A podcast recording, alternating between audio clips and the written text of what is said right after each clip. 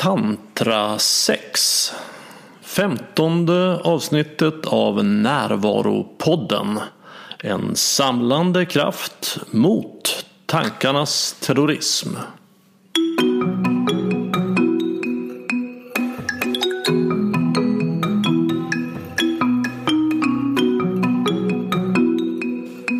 Det här är Bengt Renander. Nu börjar jag komma in lite mer i det här med att producera en podd. Jag ser att det passar mig att komma med två nya avsnitt i månaden. Så det är vad jag siktar på.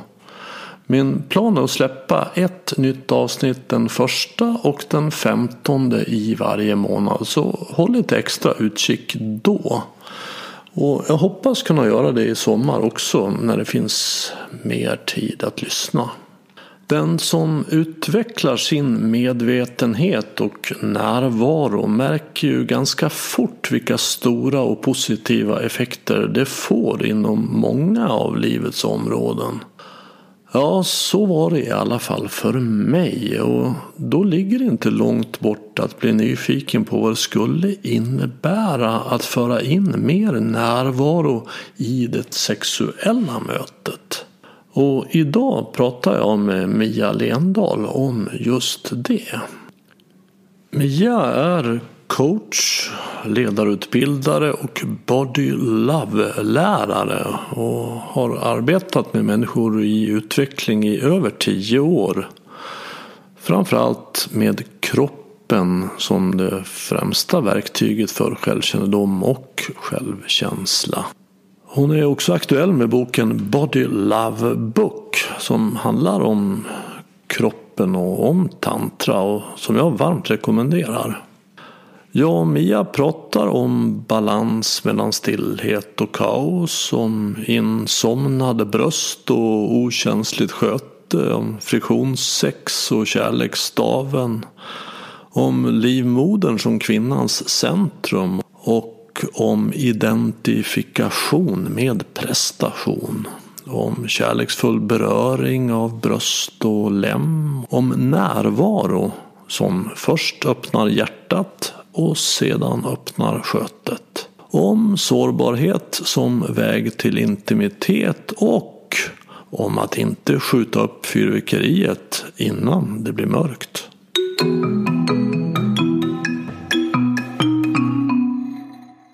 Hur kom du att intressera dig för tantra? Det kommer egentligen av att jag någonstans runt år 2000 kände en ganska stor känsla av frustration med livet. Jag hade ett ganska, ja men ett vanligt liv liksom. jag bodde på Kungsholmen och eh, hade jobb på Ericsson och och, och åkte dit varje dag. Ja, du vet det här. Mm. För att göra den långa historien kort så kände jag att det här är eh, någonting i mig som, som inte räcker. Det här livet räcker inte för mig. Det är någonting som saknas. Och jag trodde ju ett tag att det var något fel på mig eftersom alla andra verkade tycka att det var så himla härligt och eh, så. Och, och jag förstod att sen senare att det var nog inget fel på mig utan det var bara att jag hade en annan livsväg att gå. Mm. Eh, vilket betyder att det var inget fel på de andra heller. Utan vi hade bara olika eh, meningar med livet. Ja. Och eh, jag var så desperat att ta reda på min mening med livet. Så att jag sa upp mig och sålde och allt. Och, ja, inte allt men ja. Jag liksom tog mig ut i världen helt enkelt på egen hand. Och det var för att jag ville ta reda på vem jag var bortom alla de här idéerna om vem man är. Mm. Eh, och eh, det var mycket kringelikrokar på den resan och jag var hemma och mellanlandade och jobbade en stund och sådär. Och eh, sista gången som jag sa upp mig från ett jobb då åkte jag till Indien. Mm. Och det var där som jag kom i kontakt med meditation egentligen. Mm. Och då var inte ordet tantra speciellt viktigt eller förekommande utan det handlade mer om att börja känna vad som faktiskt finns eh, inuti mig. För jag var nog ganska distanserad från mig själv. Eh, så jag eh, ägnade ganska mycket tid och fokus åt att eh, liksom verkligen fördjupa mig i meditation och träffade andra människor också som, som var väldigt intresserade av det här. Och för mig var kombinationen av att komma till Indien och att komma i kontakt med meditationen en väldigt tydlig känsla av att komma hem. Mm. Som att jag hade saknat den delen i mitt liv och jag hade också saknat eh, det som Indien bjuder. Eh, det var någonting som hände i mitt hjärta. Jag, jag kände mig väldigt öppen och, och kärleksfull eh, så fort jag kom i kontakt med Indien på någonting. Och jag tror att man kanske har, eh, jag vet inte, någon slags eh, öde är väl ett eh, märkligt ord men det är som att det var ett behov i mig att få den pusselbiten på plats för att mitt liv skulle bli komplett. Och det var både det här kaoset som är Indien och den stillheten som eh, jag upplever i, i meditation. Och, och det är någon slags magi i den kombinationen. Så min förståelse för tantra är ur eh, perspektivet meditation. Eh, så det, det handlar om att vara närvarande till livet och att våga leva livet fullt ut. Den sexuella aspekten av tantra är en, en del av det. Och eh, jag hade också då eh, den här idén om att jag bara kunde få orgasm på utsidan av kroppen med hjälp av stimulans av, av klitoris och sådär. Eh, och upptäckte ju då att när jag vilar i älskogen och eh, slappnar av Alltså det vill säga slutar hålla på med något överhuvudtaget. Eh, då börjar jag känna saker inuti vaginan. Liksom som att det, det finns Det glittrar och vibrerar och är liksom bara helt magiskt där inne. Eh, och då började jag också att få orgasmer inuti, liksom djupt inne i skötet. Först, först via G-punkten som ofta är spänd. Eh, och när den börjar mjukas upp så är det ett steg på vägen. Den kan man också massera eh, för att mjuka upp den. Eh, och sen då ännu djupare in i, i det som jag kallar för kärlekens trädgård som är runt omkring livmodertappen. Där är det liksom små vrår av akupressurpunkter som man kan eh, trycka. Och det bästa sättet att komma åt dem det är ju med en erigerad penis som kommer in och smeker de här eh, områdena. Och då eh, uppstår ju en helt annan typ av orgasmer. Och det som är väldigt liksom, signifikant eh, klargörande för vad det är det är att de är helt ansträngningslösa. Det är ingenting som vi jag försöker inte få en orgasm utan den kommer av sig själv när jag ger mig hän. Orgasmer är välgörande när de är ansträngningslösa och när de kommer eh, när alla andra behov är tillfredsställda i älskogen så att de inte blir en ersättning för alla andra behov, att man inte tvingar fram dem. När jag började njuta av sex på det sättet och slappna av in i min feminina energi då fick jag ju kontakt med min livmoder. Vilket gjorde att jag också fick eh, en, en, kontakt med, en känsla av kontakt med alla andra kvinnor som ett djupt systraskap. Eh, av att eh, jag respekterar och hedrar alla kvinnor för de är jag. Vi är ett liksom. Mm, Den känslan av att vara i systraskap med hela det kollektiva feminina stärker oss kvinnor otroligt mycket. Eh, för, för vi kan lätt känna oss ensamma och utsatta. Eh, och eh, jag vet liksom att om jag behöver stöd så finns det alltid någon kvinna, syster runt omkring mig som kan ge mig det stödet. Och ibland så behöver jag inte ens höra av mig till den som jag tänker på då. För att det räcker med att jag vet att hon finns där. Eh, det det är så som man kan säga som jag lever den feminina essensen i vardagen. Att jag eh, hämta min energi från den kraft som finns i livmodern där jag är uppkopplad på det kollektiva feminina. Och den är väldigt, väldigt vis. Så det betyder att när jag är i den kontakten så gör jag väldigt kloka saker och fattar väldigt bra beslut. Och eh, skapar mitt liv på ett sätt som, som gagnar indirekt mig själv men mer världen omkring mig. De som jag möter och de sammanhang som jag befinner mig i. Eh, och jag märker ju tydligt när jag tappar den kontakten. För jag behöver ju också fortsätta att göra min meditation och min yoga och min tantriska practice. Eh, då börjar det liksom krångla till sig i livet. och jag tror att det finns att det är motsvarande för det manliga. Och där det manliga kollektiva har ett stort jobb att göra med att också hitta ett djupare brödraskap än det här ryggdunkandet. där, vi faktiskt, där män faktiskt kan dela sin nakenhet med varandra. eh, Eller sårbarhet. Alltså intimitet som bygger på att vi visar vilka vi verkligen är. Många tolkar ju tantra som att det handlar bara om sex. Eh, Men eh, det verkar vara en av de få eh, spirituella eller andliga vägar som faktiskt bejakar sexualiteten som en del av livet. Snarare än att det bara handlar om sex. Och det är där som, som det har landat i mig att eh, eh, faktiskt sex också kan vara meditation. Så mm, jag kom inte liksom i kontakt med det eh, via något specifikt möte utan det var egentligen en helhet av livsupplevelsen att känna att livet vibrerar i mig. Och eh, den vibrationen kan jag dela med en annan människa om jag får lust. Ja, det, det låter som att du levde då ett liv där du hade ditt fokus ganska mycket utåt. Ja. Alltså arbete och karriär och succé. Och sen så ledde det till så pass mycket smärta så att du bytte fokus och började istället titta inåt. Ja, precis. Och, att, och du förknippar det då med, Indien för det var där det hände. Men egentligen var, skulle det kunna ha hänt var som helst. För du kommer i kontakt med en stillhet och ett kaos som du ser i Indien men som du också ser i dig. Du har helt rätt i det att det handlar ju inte om eh, att man måste åka någonstans egentligen för att få tillgång till det här.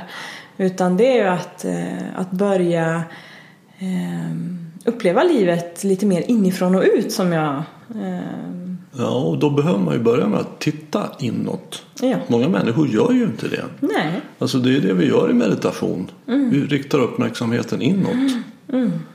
Och, och är man van att rikta uppmärksamheten utåt så tycker man men det var då det händer ju ingenting här. Nej. Det är ju jättetråkigt. Ja, precis, precis. Men att då stanna kvar och upptäcka, uppleva sina tankar, sina känslor, sina fysiska förnimmelser och sen också komma i kontakt med den här som kan bevittna dem.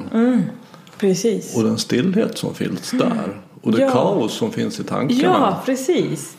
Och det, var väl, det är väl det som också då blev eh, tydligt i den här metaforen med Indien, med kaoset och stillheten. Att när vi kan ha kontakt med en stillhet inom oss som kan betrakta eventuellt kaos inom oss så, så, så kan allting eh, samexistera. Vilket egentligen är också essensen av tantra och yoga. Att vi kan tillåta allting att vara precis som det är. Ja, jag brukar säga att det mest andliga ord jag vet är okej. Ja. ja, det var ju en väldigt bra och enkel. Ja, för det, det tar mig till nuet. Mm. Och tar mig till stillhet. För att egot är ju emot saker hela tiden. Ja. Det här borde vara för varmt, det är för kallt, det borde vara mer, det borde vara mindre, för mycket, för lite. Jag är emot det. Ja, Och då, då är jag ju kvar i dramat. Mm. Kan jag gå till ett okej så är det ju liksom, då är det över. ja och det som, som har varit väldigt tydligt på min väg det är ju att eh, när man försöker tvinga fram det okejet genom till exempel positivt tänkande så fungerar det väldigt dåligt. det blir bara värre. Absolut. Eh, så, så det här handlar ju om att kunna sjunka in i, att slappna av in i upplevelsen av det som är. Eh, och det är ju någonting vi gör med kroppen och med sinnet men, men det blir väldigt, väldigt mycket lättare att göra det om vi eh, har eh, god kontakt med vår kropp och faktiskt kan eh, känna skillnaden på att vara avslappnad och att vara i stress eh, och att liksom hitta eh, vägar att vara i kontakt i vardagen med den fysiska kroppen så det är väl också det som är mycket den tantriska vägen att vi säger ja till kroppen. Eh, att vi inte förskjuter eller på något sätt försöker förneka våra behov och begär som kroppen signalerar om utan att vi säger ja till dem och lär oss att hantera dem på ett medvetet sätt snarare än på ett omedvetet sätt. För om vi inte säger ja till dem så kommer de att styra våra liv på ett omedvetet sätt. Absolut. och, och, och kroppen är ju hela tiden närvarande. Alltså vi har ju någonting här som hela tiden är närvarande. Kroppen har ju inget val än att vara i nuet. Nej, Precis. Så riktar jag min upp, jag kan egentligen leva i två olika världar. Mm. Jag kan leva i tankevärlden eller ha min uppmärksamhet i tankevärlden. Mm. Då handlar det mycket om rädslor och begär och framtid och förflutet. Och det blir ofta drama. Men sen kan jag också rikta min uppmärksamhet mot upplevelsevärlden. Precis. Och den är ju alltid här nu. Ja. För jag jag kan inte uppleva någonting någon annan gång än nu. Nej.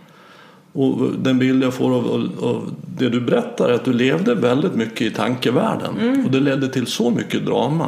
Så att du, nu, nu behöver jag komma in i upplevelsevärlden. Mm. Sen öppnar du den dörren. Och det är egentligen den tantriska dörren. Ja, absolut. Att, att vara i upplevelsen. Ja. Oavsett vad den är. För positivt tänkande är ju verkligen en mardrömsfälla. Ja. Alltså man står framför spegeln och tänker jag är snygg och vältränad, jag är snygg och vältränad, jag är snygg och vältränad, jag är patetisk och står här och säger att jag är snygg och vältränad. Så att, att det, det handlar ju om att gå djupare, att se igenom tänkandet. Och se att det är tankar, det är inte verklighet. Nej, och min upplevelse är att eh, när eh, man kliver in i upplevelsevärlden och, och börjar eh, förnimma saker som de faktiskt är, eh, då klarnar också tankarna. Så att vår, vi kommer i kontakt, för, för som du sa, det här är ju kroppen är ju naturligt i närvaro, det är ingenting vi behöver skapa. Utan vi behöver connecta med det som faktiskt är. Och när vi kommer tillbaks till vår eh, eh, kropp och känner den så som den naturligt är, då kommer vi också i kontakt med vår naturliga intelligens. Och den är, då är mindet användbart. Då är vår tankeverksamhet till gagn för oss. Eh, och någonting som faktiskt är otroligt eh, berikande. Eh, när tankarna kommer från en plats av Ja, det blir ju kreativ, en kreativ plats. För när det blir liksom lite tomt och tyst på hjärnkontoret och vi börjar känna livet. Då blir vi ju kreativa, då är vi ju kreativa. Absolut. Och då börjar hjärnan producera konstruktiva, sköna tankar. eh, Som tar oss dit vi önskar många gånger. Ja, att, att då kan jag använda mina tankar till att göra som jag själv vill. Ja, Alltså mina tankar blir mina tjänare precis. istället för mina herrar. Mm, Och det är som Einstein sa det, att, att de är, det rationella tänkandet det är en god tjänare men en usel herre. Ja, precis. Men vi har skapat ett samhälle där vi har satt tjänaren till herren. Ja. Alltså att, att vi, Ja. våra tankar använder oss. Ja, och, och, och det är precis det när- mm, liksom, som var min, mitt stora skifte då när jag gjorde den här resan. Att jag, för jag förstod att det här är liksom inte, det, det är någonting med den här eh, hela mentaliteten och synen på på människan som vi har byggt upp en samhällsstruktur kring som inte stämmer. Och det kändes liksom i hela min kropp, jag stod inte ut. eh, och eh, samtidigt så, så blev jag då en missnöjd person i, liksom, till exempel på mitt arbete. Därför att när jag försökte förklara min syn på det så dels var jag inte tillräckligt erfaren så jag hade inte orden, jag kunde inte förklara. Eh, och, och dels så var de inte ens intresserade. så att ehm, det blev liksom lite den här protestkänslan att eh, det här eh, är liksom Ja, men jag vill inte vara med enligt de här villkoren. Och det vill jag faktiskt fortfarande inte. Därför att eh, jag, så mycket som samhällsstrukturen bygger på en eh, väldigt smal definition av vad människan är eh, så har vi ju skapat oss ett, väldigt dysfunktionellt samhälle. Och nu då istället för att vara missnöjd på en arbetsplats eh, som jag var förr så har jag liksom gjort en resa som gör att jag kan komma ut till en arbetsplats och föra in det här perspektivet eh, till exempel. Och, då får, och det är det som är liksom ett tydligt exempel på vad som händer när man får kontakt med sitt inre. Att jag kan vända min situation av missnöje till att faktiskt eh, visa vägen för andra. Eh, Och det är liksom någonting som jag tror väldigt många där ute kan hjälpa till med. Eh, Jag tror vi alla har liksom en, en liten missionär inom oss. Så, och att vi kan ha, ha span på det, att när vi är missnöjda så är det egentligen missionären som gör sig hörd. Eh, att det finns, vi, har, vi vill visa på något bättre, vi vill visa på något vackrare, på något mer eh, närande för alla inblandade liksom. Mm, ja, för det vi pratar om där, alltså när, när tankarna härskar oss, det är ju tankarnas terrorism. Ja. Det är ju det som, som jag har grundat den här podden för att, att, Ja. att försöka bekämpa. Och det gör vi ju inte med mer tankar. Alltså att genom att försöka tänka bort våra tankar, eller tänka positivt eller tänka på andra sätt eller kontrollera dem. Mm. Utan enda sättet som jag har hittat det är att säga okej, Ja. se igenom det här är tankar men det är inte verklighet. Nej, Så jag lär mig att skilja på tankar och verklighet. Och vad är verkligheten? Den är här nu. Vad handlar tankar om? Ja, det är ju... Jag vet inte hur det ser ut i huvudet på dig, men jag är helt galen kan jag säga. När jag tittar, lyssnar på hur det låter i huvudet på mig, det är helt knäppt alltså. Jag kan bara skratta själv över hur tokigt det är. Ja, det, jag kan absolut känna igen mig i det. Eh, och eh, det är ju som att det, det blir en, en signal om att nej, nu är det dags att meditera lite. eller, eller göra yoga eller vad det nu är som man ägnar sig åt. Som att, eh, det, för det är också då som vi ofta glömmer bort det.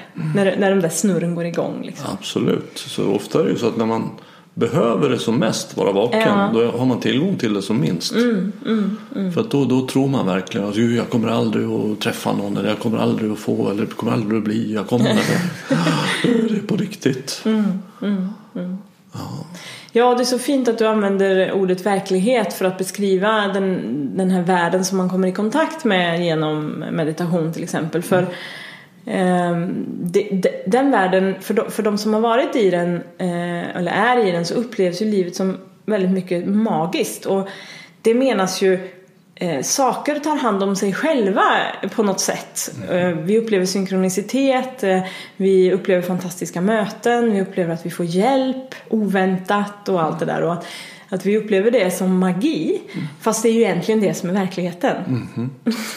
Jo, nej, det, det upplever jag ganska ofta. Det, när, kanske allt mer sällan i och för sig. Men för- förr var det ofta så att jag, när jag berättar att jag allt det jag gör har fokus på medvetenhet och närvaro. Och så, du, det, Bengt, det låter flummigt. Men då säger jag att det här är motsatsen till flum. Ja, det är Det handlar om att vad, vad händer på riktigt här i verkligheten nu. Nyfiken och undersöka det. Istället för att vara förlorad i, i mardrömmar eller rosa drömmar. Ja. Och det är ju också essensen av tantra då, att vara så närvarande i kroppen så att vi kan känna fysiska sensationer och förnimmelser, till exempel när vi älskar. Eh, För vad är det annars vi ska uppleva när vi älskar om det inte är det som vi faktiskt känner? Eh, Då blir det ju kanske att vi har behov av eh, väldigt extrema saker för att kunna njuta. Eller upp, mm, intensiteten tar över intimiteten. Om, om vi är fast i den här tankevärlden. Absolut. Jag upptäckte hur mitt liv blev så mycket positivt förändrat genom att vara mer närvarande. Ja. Alltså mitt vardagsliv. Ja. Så att jag blev också nyfiken på om man skulle ta in det här i sexualiteten. Vad, vad skulle hända då? Precis. Hur blir det då? Och jag tycker du skriver så fint i din, i din bok Body Love Book som jag för övrigt också rekommenderar. Det finns en länk till den på min hemsida för den som är intresserad. Så skriver du så fint att, att, att man kan egentligen bara börja med att, att, att vara närvarande. Man behöver inte göra någonting nytt, inga nya ställningar, ingenting nytt överhuvudtaget. Utan bara vara närvarande i det du gör. Så har du liksom gjort 95 procent av, det skriver inte du, men jag säger Ja, det. jo, men jag håller 95 med. procent av, av tantran är att, att, att vara närvarande i det. Ja, ja men absolut. Så, så det, var, det var min drivkraft in i det. Och jag gick en, en tantrakurs. Min första var på, på, på Ängsbacka med det Hasha och Nora. Mm. känner kanske till dem. Ja. Det var så fint. Ja. Och så otroligt jobbigt. Mm. Det var fruktansvärt. alltså, jag hade ju bilden av att jag skulle åka dit och så skulle man ha så härlig sex. Och det Ja. sensuellt och, och, och mysigt. Jag kom ju in med mitt vanliga mindset om att jag skulle prestera någonting. jag ska precis. lära mig någonting och så ska jag utföra det och prestera det. Så, och jag kommer säkert att vara duktig på det. Ja. jag. det kan jag. Jag brukar vara duktig på att lära mig saker. Men så märkte jag att det här handlar inte om att prestera. Nej. Jag, jag, kan, jag kan inte prestera mig fram i, i det här. Utan jag ska inte prestera. Och vem är jag då? Precis. Som manlig sexuell varelse utan att prestera. Jag är ingen. Mm. Ah, du vet på tredje jag tänkte fy fan det här är värsta helvetet jag varit på. Allt har blivit fel. Mm. Den här kursen har blivit helt fel. Jag ska åka härifrån för det här är så, Mm. så hemskt. Och det var på riktigt det. Jag tyckte det var fruktansvärt. Jag har liksom inte älskat något. Jag har inte varit med om någonting härligt på de här tre dagarna. Utan det hade bara tagits ifrån mig var min upplevelse. Och på ett sätt var det sant. Det var mitt egots självbild om att, att, att jag är, är det jag presterar som togs ifrån mig. Och jag upptäckte att, att kom till, slog i botten av att, att, att jag, jag är ju ingen. Och jag säger, det var ju guld, superbra, säger jag efteråt. Istället om jag inte går, kommer med ingångspunkten att prestera, vad händer då? Att jag istället upplever Ja. det som är. Och där öppnades dörren för mig. Ja. Vad fint. Ja, för det är ju precis det som, som sker. Att då kommer vi också tillbaks till det som är naturligt för kroppen. Och tantra är helt naturligt för kroppen. Så det är ingenting vi egentligen behöver lära oss. Utan det är att lära bort alla de gamla programmen om vad sex är för någonting. Som handlar mycket om, om prestation och att behaga och, och sådana där saker. Att vara sexig och sånt. Och eh, det är ju så otroligt vackert att få smälta in i, i verkligheten. Och ehm, det, det är också fint att du delar det för det är ofta en övergångsfas i en period där man tappar sin identitet som sexuell varelse. Både för män och kvinnor och för män kan det ju ofta innebära att man förlorar ståndet då i just den processen. Och, och det är så läskigt för många så då går de hellre tillbaks till sitt gamla vanliga program för att slippa den liksom upplevelsen. Ja, jag hade nog inte mycket till stånd då när jag upplevde att jag var ingen. Nej. Det, det tror jag inte. Jag kände liksom att jag tappat all, tappat all identitet som sexuell varelse. Och det är ju, kan ju vara så för kvinnan också om, om vi har en star, stark in, identifikation med att vara den som är sexig och som behagar och sådär. Så blir ju det också ett ingenting när det faller bort då. Eh, till att vi ska faktiskt upptäcka hur sköna vi är inuti och hur vackert vi kan dela det genom att bara sitta och se på varandra. Till en början kanske. Ja.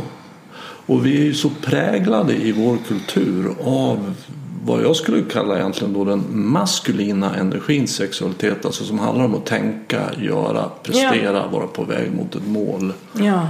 Så att när vi går på bio så ser vi ett par som träffas på någon bar och så tänder de på varandra. Ja. Och sen så hem, sliter av kläderna i hallen och så in så pang smack upp mot garderoben.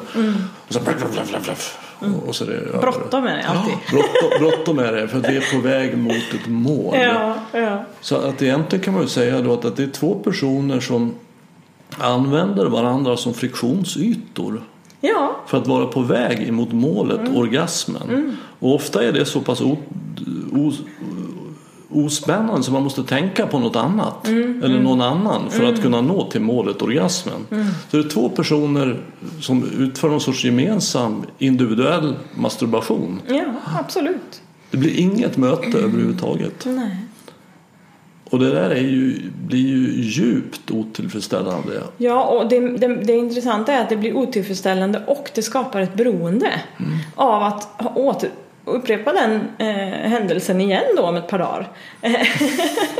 eh, för att det, det handlar ju om en massa kickar, kemiska kickar som eh, ändå då, det adrenalin och eh, kortisol och endorfiner och allt i en enda salig eh, blandning som eh, utsöndras och sen så då när det går några dagar så börjar man uppleva en längtan efter att få den där kicken igen. Alltså själva orgasmkicken tänker du på? Ja, eh, det kan gälla både orgasmen och intensiteten i den typen av sexualitet. Eh, som handlar om att eh, eh, ja, men skapa liksom riktigt intensiva upplevelser istället för att njuta av det subtila. Och det är i sig beroendeframkallande. Man kan se på till exempel extremsportare som, ja, de har ju blivit intervjuade, många av dem som har sagt att efteråt sådär att ja men jag var ju adrenalinberoende och jag kunde, inte, jag kunde inte njuta av livet om jag inte stod på toppen av ett berg. Liksom. Så det är en väldigt bra liknelse för att tantra handlar egentligen delvis om att tända av från behovet av intensitet mm -hmm. som ofta är förknippat med adrenalin. Mm -hmm. eh, och att hitta en möjlighet att eh, uppleva den subtilitet som väcks när, eh, när vi kommer bort ifrån det. Mm. Och det är också ett tecken på att det inte alltid är en lätt process. Nej. Att vänja sig av med, med beroenden som eh, vi kanske inte ens är medvetna om att vi har är väldigt svårt. Absolut. Och sen då om man skulle göra, göra en metafor med musik, för det är också min erfarenhet att det är som att man har kört rockmusik på hög volym. Ja, precis. Och så stänger man av den mm. och då hör man ingenting. Nej. Då är det tyst. Nej. Men sen när man kvar den här tystnaden så hör man efter ett tag att det kvittrar en fågel. Ja. Och det här fågelkvittret blir så fantastiskt. Mm. Och här kommer en till fågel. Mm. Och det är så subtilt. Mm. Så förstår man att det här har pågått hela tiden under ytan. Men jag har mm. aldrig varit hört eller varit i kontakt med det. För jag har kört rockmusik på hög volym. Mm. Och jag, jag, kom också i en sån djup fascination över kroppen. Mm. Alltså hur otroligt rik kroppen är. Mm. Mm. Och i, även i mötet. Alltså vad som sker. Ja, det är ett, ett annat sätt att mötas på mm. kan jag uppleva. Eh, där man faktiskt möts i det som är sant istället för det här god dag, god dag och sådär. ja, så, jaha, god dag, god dag, tack för kaffet, nu ska jag gå. Mm. för jag, vet inte om det är en bild som du delar men för det här som vi pratar om, det friktionssexet om yeah. man ska kalla det, mm, så, mm. Så, så, menar jag att, att det är framförallt på maskulin energis villkor. Alltså det handlar om tänka, göra, vara på väg mot ett mål. Det är otillfredsställande både för män och för kvinnor, mm. men framförallt för kvinnor. Ja. Alltså kvinnokroppen är inte alls gjord för det. Nej. Utan då hamnar kvinnor i ett läge där de säger att, att sex det är, inte, det är inte riktigt för mig. Absolut. Och det blir väldigt tråkigt och jag ställer upp på fredagskvällen för han blir så sur om inte jag ger honom 20 minuter där. Så att jag, okej. Okay. Mm. Ja, och det är ju förskräckligt alltså att, att det har blivit på det sättet. Mm. Eh, och det, det hänger också samman med myten om att kvinnor bara kan känna på utsidan till exempel. Mm, alltså det här idén om att det är klitoris som är vår sexuella liksom, höjdpunkt mm. på något sätt. Eh, det hänger ihop med den typen av sexualitet. Mm. För att vi, vi, är ju liksom oerhört känsliga på insidan. Mm. Och eh, den tantriska sexuella vägen öppnar upp för den känsligheten och möjliggör den känsligheten. Och det här mm. är ju återigen då det som är mest naturligt för oss. Mm. Eh, så eh, det har blivit en väldigt, väldigt skev bild av vad sex är för någonting och som du säger speciellt vad det är för kvinnan. Mm. Eh, och eh, jag vet inte om det eh, man kan säga att det är på mannens villkor. Eh, det kanske är delvis men det är också en kulturell prägling som vi alla bär inom oss på något sätt. Eh, och det, det, handlar om den här obalansen mellan, mellan yin och yang där yang då mm. står för, eh, för den, den maskulina energin. Mm. Eh, och att eh, vi behöver hitta en, eh, en bättre balans i det. Mm-hmm. Och det betyder ju inte att, att den maskulina eller yang-aspekten på något sätt ska försvinna. Mm. En del tolkar det liksom som att nu är det dåligt. Mm. Men det är inte dåligt, det är bara det att det är för lite balans. Exakt. Så om, om det feminina sexuella eh, får ett större utrymme. Mm. Vilket det får om vi kvinnor lär oss om våra egna kroppar och guidar männen mm. i den tantriska mm. eh, vägen. För det, det tror jag att alla kvinnor har förmåga till att göra inneboende i sig. Mm. Eh, då, då kan vi liksom eh, få ta del av yang-energin och den maskulina energin på ett väldigt positivt sätt så att den berikar oss och mm. ger oss näring. Eh, snarare än att den liksom tar och kör över. Mm. Nu tror jag många kvinnor sitter och lyssnar och säger hur, hur ska jag göra? Ja. Berätta, hur, hur, kan jag göra för att få min man mer tantrisk? Hur kan jag guida honom in i det? Alltså det, det är ju som alltid att det börjar med den egna eh, resan då. Att eh, om du vill få din man mer tantrisk så behöver du utforska vad tantra är för dig. Mm. Och när du vet djupt inne i ditt hjärta och i ditt sköte vad tantra är Mm. då kommer du naturligt att kunna guida din man Mm. i det. Du behöver inte någon kurs då. Eh, Så vänd dig till människor som du tror kan hjälpa dig på den resan. Eh, Är mitt liksom tips. För att det här är eh, någonting som kan vara väldigt eh, alltså utmanande att göra helt på egen hand. Jag har ju liksom haft väldigt mycket stöd och inspiration och hjälp från andra människor på vägen. Eh, och hela tiden liksom sökt mig till dem som jag känner att där finns det någonting som jag kan lära. Och så är det som att jag bara dras dit och jag kan inte avstå från det för det känns så viktigt för mig. Och det är också en del av den tantriska vägen, att följa det som vi attraheras av på djupet. Eh, Och lära oss att skilja på den här djupa attraktionskraften och så här, mer ytliga liksom förstörelsebehov eller ja det verkar roligt eller jag kan väl följa med på det eller de flesta lever ju sina liv ut, mer utifrån distraktion än utifrån attraktion. Det vill säga de blir hela tiden eh, så störda av en massa yttre förslag och så går man efter det liksom. Mm. Och det är till och med att man vill bli störd. Ja, Annars blir det så tråkigt. ja precis. Precis. Som jag tänker kring det. Om vi säger att mannen är 100% i sin maskulina energi. Tänka, göra, vara på väg mot målet. Och kvinnan är sig 75% i sin maskulina energi. Då har vi 175% maskulin energi och 25% feminin Ja. energi i själva mötet. Och det är alldeles, alldeles för lite. Ja, vilken fin bild. För det är ju precis så som samhället ser ut. I stort. Ex- Exakt, exakt. Jag, jag skulle ju föreslå så här. Att kvinnan får gå in 100% i feminin energi. Ja. Bara slappna av in i att vara kvinna. 100. Och mannen går 50% maskulin energi, 50% feminin energi. Så han tar hand om allt tänkande och görande. Men gör det i kontakt med hjärtat med kvinnan. Då har vi 150% feminin energi och 50% maskulin energi i mötet. Och då har vi ett tantriskt möte. ja, och det är ofta så man gör när någonting har hamnat i obalans. Då, då, då, då tar man liksom tillbaks åt andra hållet under en period tills det skapas en balans. Eh, Så det är ju ett fint sätt att se på det. Eh, Absolut. Och för att bara vara tydlig med feminin energi menar jag då känna, vara. Vara i kontakt med varandet och känna. Ja. Och inte då vara på väg någonstans. Och eh, som man är det ju väldigt, väldigt lätt att ta en kvinna dit. Även om hon aldrig har varit med om det. Ja. Det är otroligt lätt för det är bara att ta hem henne. ja, men absolut. Ja, och det är och- det alla kvinnor längtar efter. Verkligen. De är så lyckliga. Ja.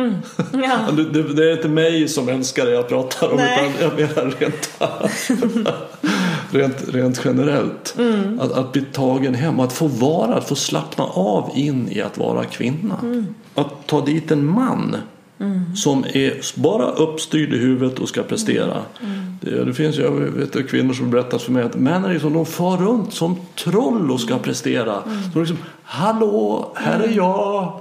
Vad, vad, vad håller på? Mm. Håller på? Men det är inget möte, det är ingen hemma. Och det är väldigt, de säger att det är så svårt. Jag vet inte hur ska jag göra. Det var därför jag ställde den frågan Ja. till dig. Vad ska jag göra? Hur, hur ska jag... Och då säger jag det att ja, göra. Om du ska göra någonting då går du in i din maskulina energi. Utan du får gå till ditt varande. Ja, precis. Och, och jag tror att om kvinnor upplever det svårt att guida män tantriskt så beror det på att de själva då fortfarande eh, vad är de där, vad du sa, 75 procenten? Alltså de har inte då eh, hittat in i, i sin djupaste feminina energi och då är det ju svårt att guida ifrån den. Så det är därför som det är det som är, som är eh, en väldigt fin och bra början. Och det handlar för oss kvinnor väldigt mycket om att ha kontakt med, med vår livmoder. Eh, och liksom det djup som finns i den. Eh, allt, allt den har varit med om kollektivt genom många livstider. Eh, att föda och nära barn och eh, transformera energi och att eh, det finns en väldigt djup vila i, i livmodern. Mm. Och, eh, nu kommer vi ju inte så nödvändigtvis in i livmodern när vi har sex men eh, det handlar mer om att då eh, komma i kontakt med det området som är under, utanpå livmodern, kring livmodertappen. Eh, och där, eh, de flesta kvinnor har inte så mycket kontakt med det området. Och där är liksom, jag brukar kalla det för eh, en eh, oupptäckt eh, skattkista när det gäller sexualiteten. Att, att börja intressera sig för det området. Eh, och att mjuka upp eventuella spänningar som finns där för att känna mer helt enkelt. Känna eh, den här vibrationen av kärlek och liv och värme som finns där inne. Och eh, det är som att det hänger ihop med då hela känslan av att ha en livmoder när man kommer i kontakt med det området. Och jag vill bara tillägga att det gäller även för de som har eventuellt tagit bort sin livmoder så kan man förhålla sig till den platsen inom sig som ett energicentrum även om Exakt. den inte finns där rent fysiskt för det finns alltid kvar.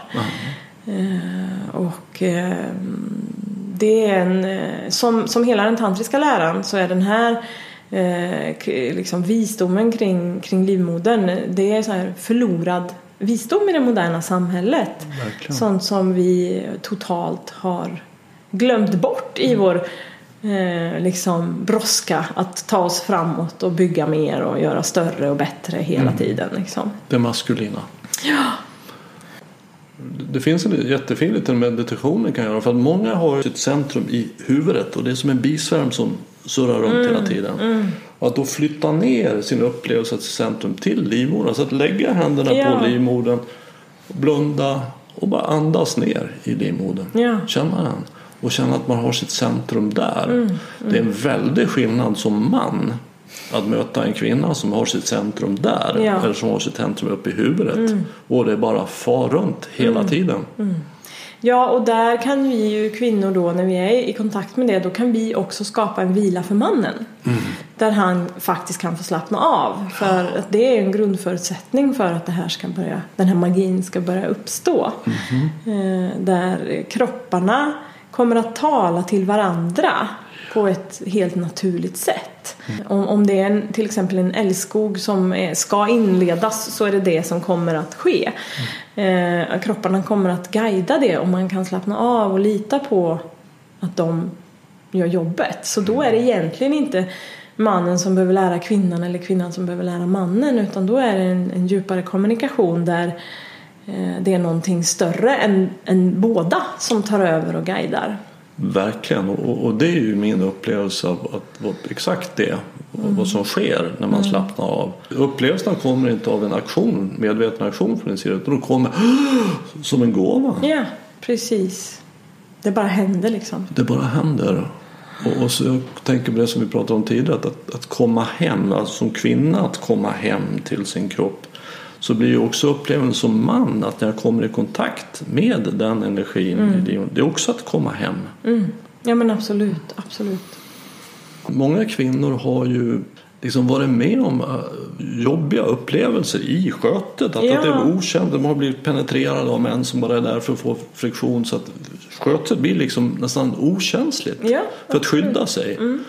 Och, och, och brösten är heller inte, för att inom tantra så betonar man mycket brösten. Eh, Men de är insomnade. Ja. För de har inte fått någon, de är insomnade bröst och ett läderartat sköte. Ja, ja.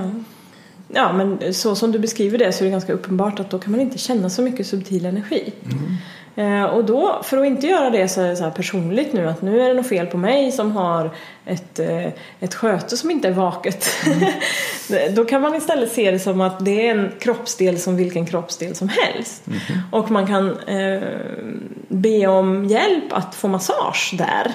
Eh, där man behöver lösa ur spänningar och det kan man få av eh, någon man känner, sin partner. Men man kan också, i de flesta större städer så finns det ju numera människor som jobbar professionellt med att massera eh, akupressur i underlivet till exempel kan släppa eh, sådana här spänningar. Och jag har ju fått fler, jag har ju föreslagit att flera av mina manliga tantriska vänner, det är ingen som har nappat på det här än, men att de ska sätta sig i ett bås på centralstationen och erbjuda bröstmassage. det kanske är lite överdrivet att ta det dit för man kanske inte går in till en okänd man på det sättet. Men många män har ju en känslighet i händerna eh, som de skulle kunna använda till att massera kvinnors bröst på ett, eh, där de inte har en agenda att få någonting av det. Mm. Och det skulle ju i en mindre nojig värld vara en fantastisk service mm. eh, som, som män kunde erbjuda till kvinnor. För det är just att, att massera brösten är ju en sån otrolig uppöppnande beröring. Mm. Som gör att det smälter både kring hjärtat och i skötet. Mm. Och runt käkarna och så som är också väldigt kopplat till skötet. Mm. Så att eh, den typen av massage är ju verkligen fin. Men på grund av att vi har en sån, sån nojig sexuell kultur så finns det knappt och jag vet inte ens om man skulle se det som olagligt eller ja, det finns ju mm. mycket liksom ja, det regler. Finns, det finns i alla fall inte på centralstationen. Nej. men, men vi kan, jag tycker det är en väldigt fin första tantrisk övning om vi ska ge det. Ja, absolut. Att, att mannen sätter sig i ja, en säng med ryggen mot väggen. Mm. Kvinnan lägger sig i famnen på honom med ryggen mot honom. Mm. Och sen tar han lite olja på händerna. Mm. Mm. Och sen upplever han brösten utifrån. Mm. Han bara är där med sina känsliga händer. Mm. Och hon upplever dem inifrån. Mm. Och så meditera på det. Vi är inte på väg någonstans. Mm. Vi är inte ute efter något speciellt. Annat än att uppleva det som är.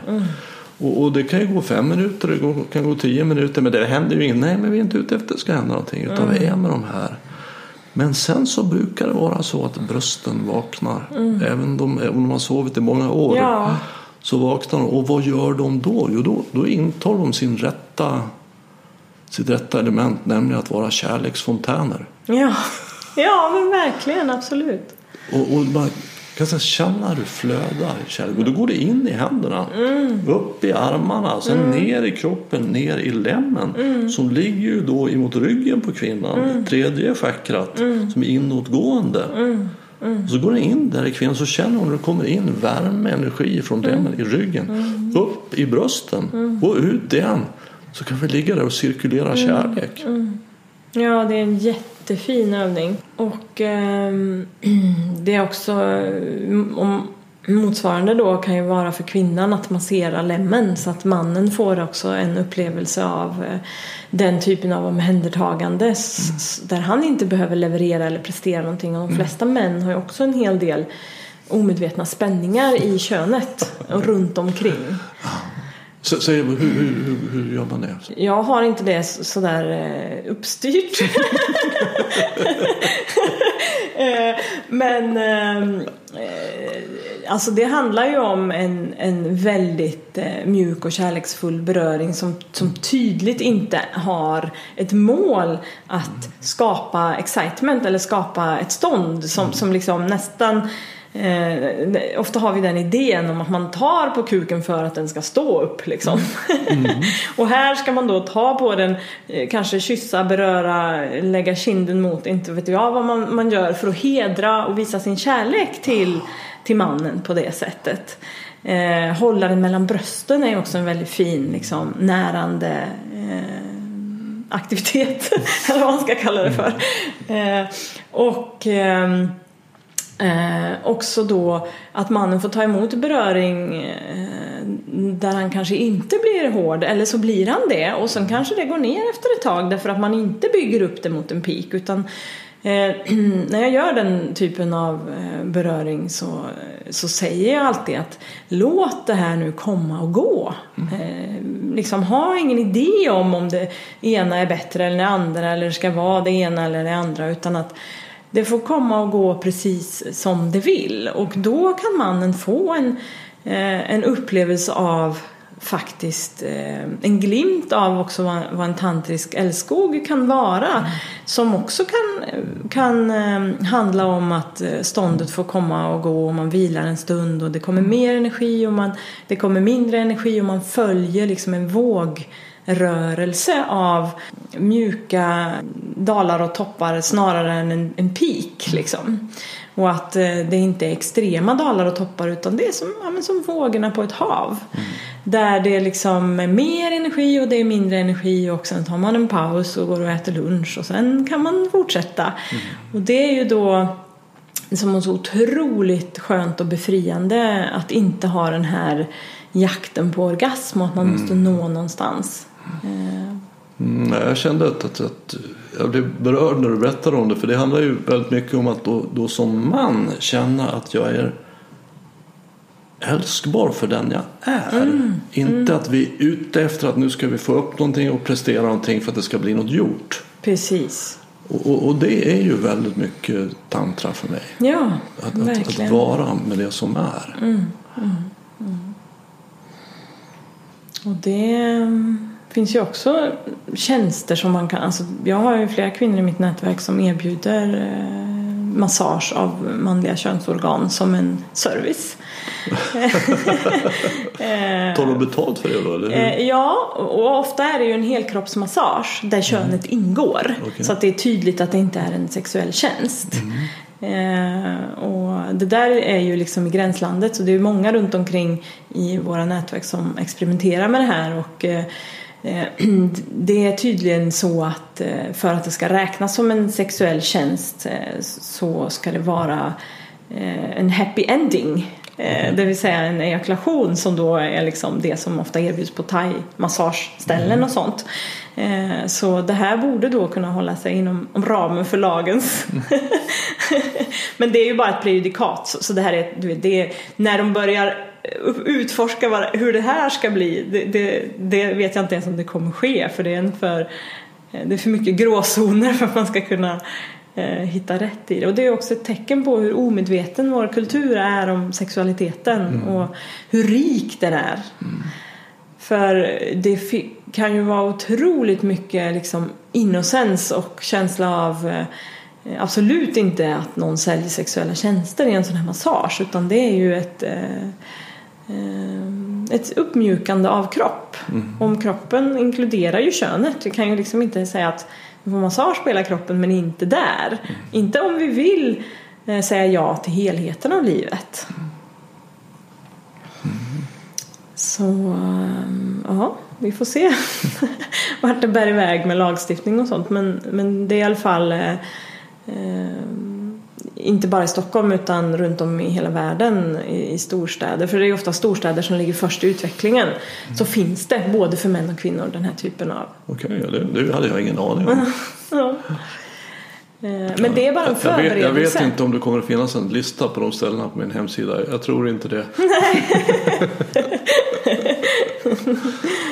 jag hade ju ingen aning om, jag tror inte män rent generellt har en aning om vad, vad vilken fantastisk sak vi har där i kalsongerna. Alltså det, är, det är ju en kärleksstav. Ja, verkligen. En trollstav. Ja, verkligen. Som, som är till för att ge kärlek. Ja. För att, att jag, liksom, jag tror de väldigt många män, kanske, eller absolut de flesta, har ju tidigare kommit till skötet för att få något. Ja, nämligen friktion. Mm. Mm. Och, och, och sköt, för sköter det blir liksom, den är inte gjord för att ge något, den är gjord för att ta emot något. Mm. Så att är mannen där för att få något så blir det ju energetiskt avstängt för kvinnan. Ja, absolut. Så kvinnan ligger och läser veckotidningar medan ja, han håller på istället. Mm. Men om man då förstår att, att jag är här för att ge något. Mm. Jag kan sända in kärlek här mm. i skötet och skötet är ju gjort för att ta emot det. Ja, men verkligen. Och då flödar det upp i hjärtat. Mm. Mm. Och så har vi då kärleksfontäner för brösten är ju gjorda för att ge kärlek. Mm. mm. Så strömmar det in i mannen igen och så mm. ner. Mm. Så kan man ligga och cirkulera kärlek där igen. Ja, och det är ju då som sex blir meditation. Och det är egentligen det som är essensen av den tantriska sexualiteten. Att kunna gå in i en evig vila tillsammans. Eh, som inte behöver betyda att man är helt stilla men, men det eh, kan finnas eh, väldigt subtil rörelse och stillsam rörelse där eh, den här kärleksenergin då cirkulerar som du säger och vibrerar i kropparna. Och det är ju aldrig någon som vill sluta med det när man väl har börjat. Mm. men ibland så behöver man ju liksom ta en paus och gå till jobbet och så. Men, men där är ju också sexualiteten en oändlig källa och en, en, en så hållbar energikälla. Det är ingenting som tar slut och jag har ju många vänner som är betydligt mycket äldre än jag som, som berättar om att det här blir bara skönare och härligare ju, ju mer åren går. Så vi åldras inte sexuellt på det sättet på den tantriska vägen utan vi eh, öppnas mer och mer eh, ju äldre vi blir, ju mer vi håller på. Så att det är också otroligt liksom fascinerande att se att alla våra idéer om att man ja, men, blir gammal så blir man ointresserad av sex. Och, alltså, det verkar ju absolut inte vara så för dem som eh, eh, har gett sig hän i tantra utan det är ju snarare att det berikar mer och mer livet. Liksom. Jag har i, i samband med den här metoo-rörelsen eh, pratat med väldigt många män som har känt att de blir lite utpekade eller lite felgjorda som om att det här har någonting med att det är fel på dem att göra. Och även där så ser jag ju tantran som en, som en lösning på problemet. För all sån, alla sådana händelser där kvinnor känner sig utsatta av män sexuellt beror ju på att det är en omedveten sexuell energi som har kanaliserats på fel sätt. Och när vi är omedvetna om vår sexuella energi så kommer den att pysa ut på fel sätt. Så tantra handlar delvis också om att bli medveten om sin sexuella energi och i mannens fall att bli medveten om sin manlighet som en kärlekskraft. Som då finns i hela kroppen och eh, i könsorganet tydligast kanske. Eh, Och att som man då så behöver man säga ja till den kraften. För att så länge man försöker säga nej eller trycka ner den så kommer den omedvetet att pysa ut. Så därför är lösningen kring metoo inte att männen ska dra tillbaks sin sexualitet utan att de ska bejaka den. Och det kan ju då verka lite paradoxalt men när man ser det, på det här i det här perspektivet så är det väldigt tydligt att när en man äger och står i sin sexualitet då känner kvinnan det som du tidigare beskrev eh, hur det är att komma i kontakt med en kvinna som är i kontakt med sin livmoder. Att vi känner att mannen har eh, en, det finns en plats att vila på. Han blir inte skrämmande när han äger sin sexualitet utan han blir eh, liksom en stor famn att drunkna i. Eh, och, och det, liksom, den, den typen av eh, manlighet är vi kvinnor väldigt attraherade av. Så när man äger sin sexuella energi på det sättet så kommer man inte behöva springa runt och pysa ut den på omedvetna platser utan kvinnor kommer att säga ja till det. Eh, och dras till det helt naturligt. Ja, För att, att det ska vara möjligt för en man att, att göra de här metoo-övergreppen så behöver man vara väldigt omedveten. Ja. Alltså väldigt upp, mycket uppe i sitt huvud och inte i kontakt med hur det är. För om han- är i kontakt så känner han, är det läge att Ja. nypa henne i rumpan eller inte? ja, precis. Och ibland kan det ju vara läge. Ja. Men, men oftast är det ju inte det i offentliga hissar eller på Nej, jobbet. Eller vad nej. man nu är- är så. Precis. Precis.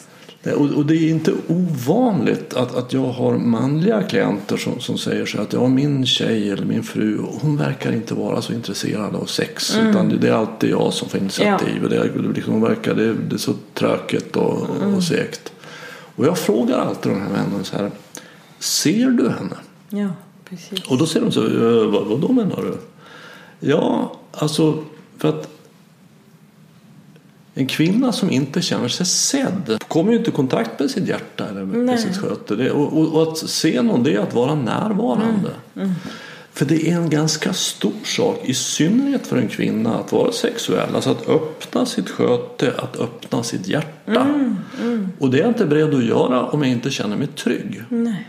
Och känner jag mig inte sedd så känner jag mig inte trygg. Nej. Utan då har jag stängt hjärta och stängt sköte. Och kvinnor som då har sex med stängt sköte, alltså energetiskt stängt sköte, det blir ju som ett övergrepp. Ja. Och där blir det läderartat Ja. till slut, okänsligt. Ja, för att jag behöver liksom så att genom att se, att, att bara, bara det som början, Mm. att mannen ser sin kvinna. Vad händer då? Då känner hon sig trygg. Mm. Han är i kontakt med sig och han är i kontakt med henne. Mm. Och då öppnas hjärtat. Och det är ju vägen till skötet. Mm. Och då öppnas skötet. Och då slutar vi ha sex och istället börjar älska. Ja, det är en jättefin... Och en kvinna som, det var därför jag kom att tänka på det, en kvinna som får älska, hon vill aldrig sluta. Nej. Så att som man, vill du ha en kvinna som vill älska mycket så har du vägen här. Ja. Se henne, var närvarande, var i kontakt med ditt hjärta. Ja. Så kommer hon att öppnas. Och det är ju det som är ett av de absolut största missförstånden här. För hur många män är det som har lärt sig att vägen till framgång i livet och framgång med kvinnor, om man ser det lite ytligt, är att känna sin egen kropp och sina egna känslor och vara sårbar. Det är som att, va? Det var ingen som sa. så, så en väldigt viktig del av den här aspekten är ju just eh, eh, sårbarheten som också är det som är verkligt. Så vi behöver liksom inte eh, Alltså, det har blivit sådär en, en liten klyscha att man ska vara sårbar och att det är nästan en sport nu att vara det. och, och, och det är för mig lika naturligt som allt det andra som vi kommer i kontakt med genom meditation och tantra. Vi är ju uppenbart extremt sårbara. Min kropp är ju så skör, jag kan ju bli överkörd. Eh, och mitt känsloliv är eh, levande, och vilket gör att det är sårbart. Så om vi inte är sårbara så betyder det att vi inte är levande. Så det är egentligen aliveness det handlar om. Eh, Och eh, det är i det, när det finns liv i dig och i mig, eh, i det maskulina och det feminina, det är ju då som en, eh, ett intimt möte kan ske. För annars så är det då eh, ett, ett möte som handlar om roller och jag ska imponera eller jag ska visa att jag är bra eller någonting sånt här. Och eh, för mig är sårbarhet en förutsättning för intimitet. Att jag, att jag vågar visa vem jag är. Vilket inkluderar att jag har en del eh, oro och rädslor. De tar kanske inte över mitt liv men jag är ändå en, en människa som behöver eh, bli, eh, få omtanke av, av mig själv och av den jag möter. Så att vi liksom inte glömmer bort omtanken om varandra och oss själva. Och det är för mig väldigt förknippat med, med intimitet. Ett annat ord för det du pratar om är att vara naken. Ja, Alltså först Naken. fysiskt naken men också att, att vara naken i, och autentisk. Mm. Ja men absolut. i, i sårbarhet. Och det är ju att vara just nakenheten är en fin metafor för att ofta är vi ju nakna när vi har sex och eh, den fysiska nakenheten kan ibland vara en ersättning för den emotionella eh, nakenheten. Så att vi liksom, vi vågar klä av oss kläderna och sätta på varandra. Men vi vågar inte mötas i djupet. Nej. Eh, För, och nej, men det är djupet som vi blir berörda av varandra och det är ju först då som en intimitet kan uppstå. Mm, jo, nej, men det, det är nog många som, som kan sätta på varandra men att sätta sig ner i ett par minuter och se varandra i ögonen. Kanske Ja. bara en minut. Det, det vågar de inte. Nej, och det har väl både du och jag och många andra som jobbar med människor upplevt hur förlösande det är för människor som har levt tillsammans länge. Att de faktiskt bara får sätta sig ner och se på varandra. Och då upplever man sig som väldigt naken. Ja. Ska vi säga något om orgasmer också? ja, kan vi göra. Ja, säg något om orgasmer. Säg något om orgasmer. Ja, jag skulle vilja börja med att avliva ytterligare en myt här som, som säger att när man har tantrasex så får man inte ha orgasmer. Och speciellt inte om man är man, då får man inte ejakulera. Eh, och eh, enligt min, eh, så som jag har lärt mig eh, så eh, handlar det faktiskt inte så mycket om att få eller inte få orgasmer. Utan det handlar om att vara närvarande till det som faktiskt sker, återigen.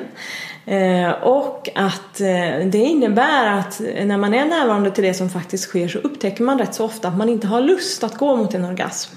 För att man vill mycket hellre stanna kvar i det som är så underbart och man vet att den där orgasmen eventuellt eh, tar, gör att det hela tar slut. Eh, så, så, eh, och, och speciellt ejakulationen, för det finns ju andra orgasmer som inte gör att det tar slut. Eh, he, helkroppsorgasmer och energiorgasmer och för kvinnan även fysiska orgasmer djupt i skötet öppnar ofta upp för eh, mer älskog. Man har inte alls någon lust att sluta efter en sån orgasm. Utan det är nästan som att nu har vi precis börjat, nu har vi öppnat första dörren. Liksom. Det var ett helt slott kvar. Ja. Eh, Men anledningen till att det pratas så mycket om, eh, om det här med ejakulationskontroll då, det är återigen för att det är en, en maskulin kontrollerande målstyrd värld som har tagit över hela diskussionen där mannen nu har bestämt att det, nu är det det vi ska kontrollera. För något måste vi ju få kontrollera. Om det nu inte är kvinnan så kan vi åtminstone kontrollera våra egna ejakulationer. Och eh, eh, snarare så här då att kroppen bygger upp en viss mängd energi eh, i en älskog eller också när man har sex med sig själv och det bör man lära sig att träna på att känna om man inte känner det. Hur den sexuella energin liksom börjar bubbla och, och, och vibrera i hela kroppen och, och eh, så småningom när kroppen slappnar av så tar den sig ut till tår och fingertoppar och upp i hjässan och överallt liksom så att man känner verkligen den här energin vibrera i hela kroppen. Och när man har haft en lång älskog eh, då gör det faktiskt ingenting att eh, man väljer att ha en orgasm som ett avslut på det eller som en fortsättning eh, till nästa nivå. Problemet är att när man, kom, när man forcerar fram orgasmen så att den kommer innan man har haft den upplevelsen. Innan man har haft djupt närande sex. Då är det inte en bra idé att bränna av energin. Det är som att skjuta upp fyrverkeriet innan det blivit mörkt. Ja, precis.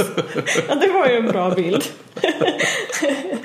Och sen vet jag att det finns många män som upplever att de mår bra av att ejakulera mindre än vad de kanske har gjort tidigare. Eh, och det finns också en del män som behöver få igång systemet genom att ejakulera om de inte har gjort det på länge.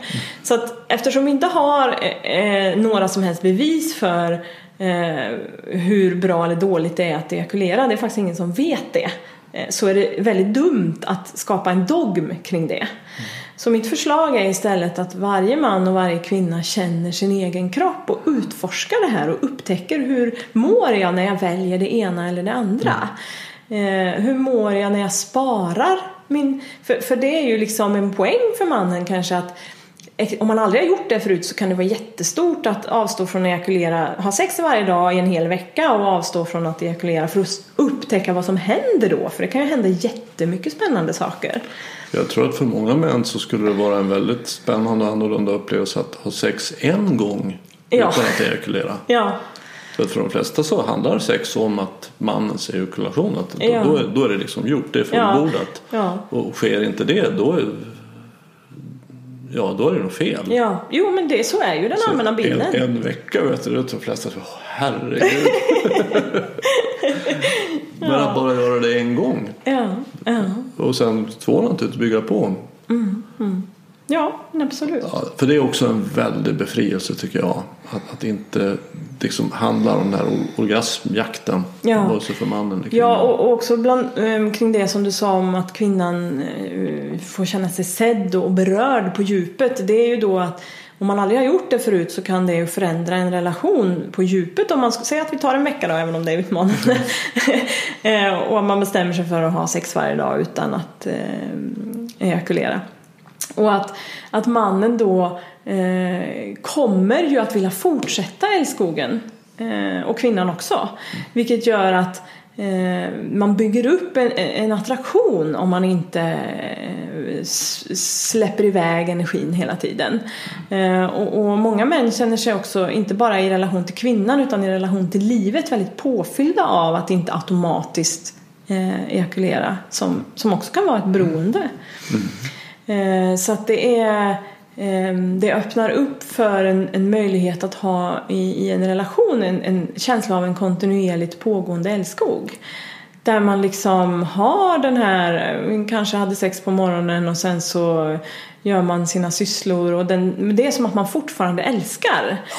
Även när man är på varsin plats eller när man möts hemma i köket eller hur det nu är så är den, den pågår liksom. Och sen är det bara att eh, docka in då när man får lust med det eller när man får tid med det. Absolut. Och då är skötet, om, om man har haft den typen av sexuella upplevelser som vi har pratat om här, då är skötet redan öppet. Eh, så, så det är eh, liksom, man kan bara börja var som helst när som helst. Och, och precis som du säger att, att, att, då älskar man hela tiden Ja. oavsett om det är penetration eller inte. Ja. Man kan ju stå i köket och laga mat och hacka lök så, här, så på tre meters avstånd. Så vet vi att vi, nu älskar vi. Ja, ja, Ingen beröring något men vi vet det. ja, Och tänk vad det innebär för en relation. ja, precis. Att få ha den energin. Det finns kärlek och attraktion med hela tiden Ja. i relationen. Ja, Wow! ja, Det är liksom inte någon liten extra ställning eller liksom någon liten kul grej som man adderar till sexlivet. Utan det här förändrar ju livet i grunden. ja men verkligen. Och det är det som är ehm, som verkligen visar på, på djupet i, i det här förhållningssättet till livet. Att det löser så otroligt många av de eh, problem som människor har i livet. Inte bara med sex och relationer men utan också med eh, Eh, att kunna stå i sin kraft och utföra sin livsuppgift. Och alltså, man får ju väldigt mycket mer självkänsla och självförtroende av att ha den här typen av intimitet. Vilket gör att man kan bära ut det till världen sen och bidra på ett helt annat sätt. Vill du komma i kontakt med Mia så finns en länk till hennes hemsida på min hemsida renander.nu.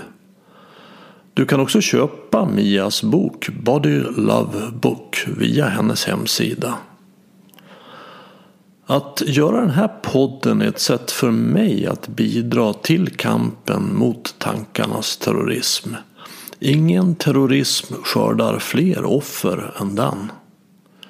Vill du stödja podden så gör det genom att tipsa om att den finns till vänner och bekanta och gå gärna in på iTunes och betygsätt och skriv kommentarer. Vet du någon som arbetar med att stödja andras närvaro och som du tycker borde vara med här så tveka inte att kontakta mig. Enklast gör du det via kontaktformuläret på min hemsida renander.nu. På återhörande och du, var uppmärksam.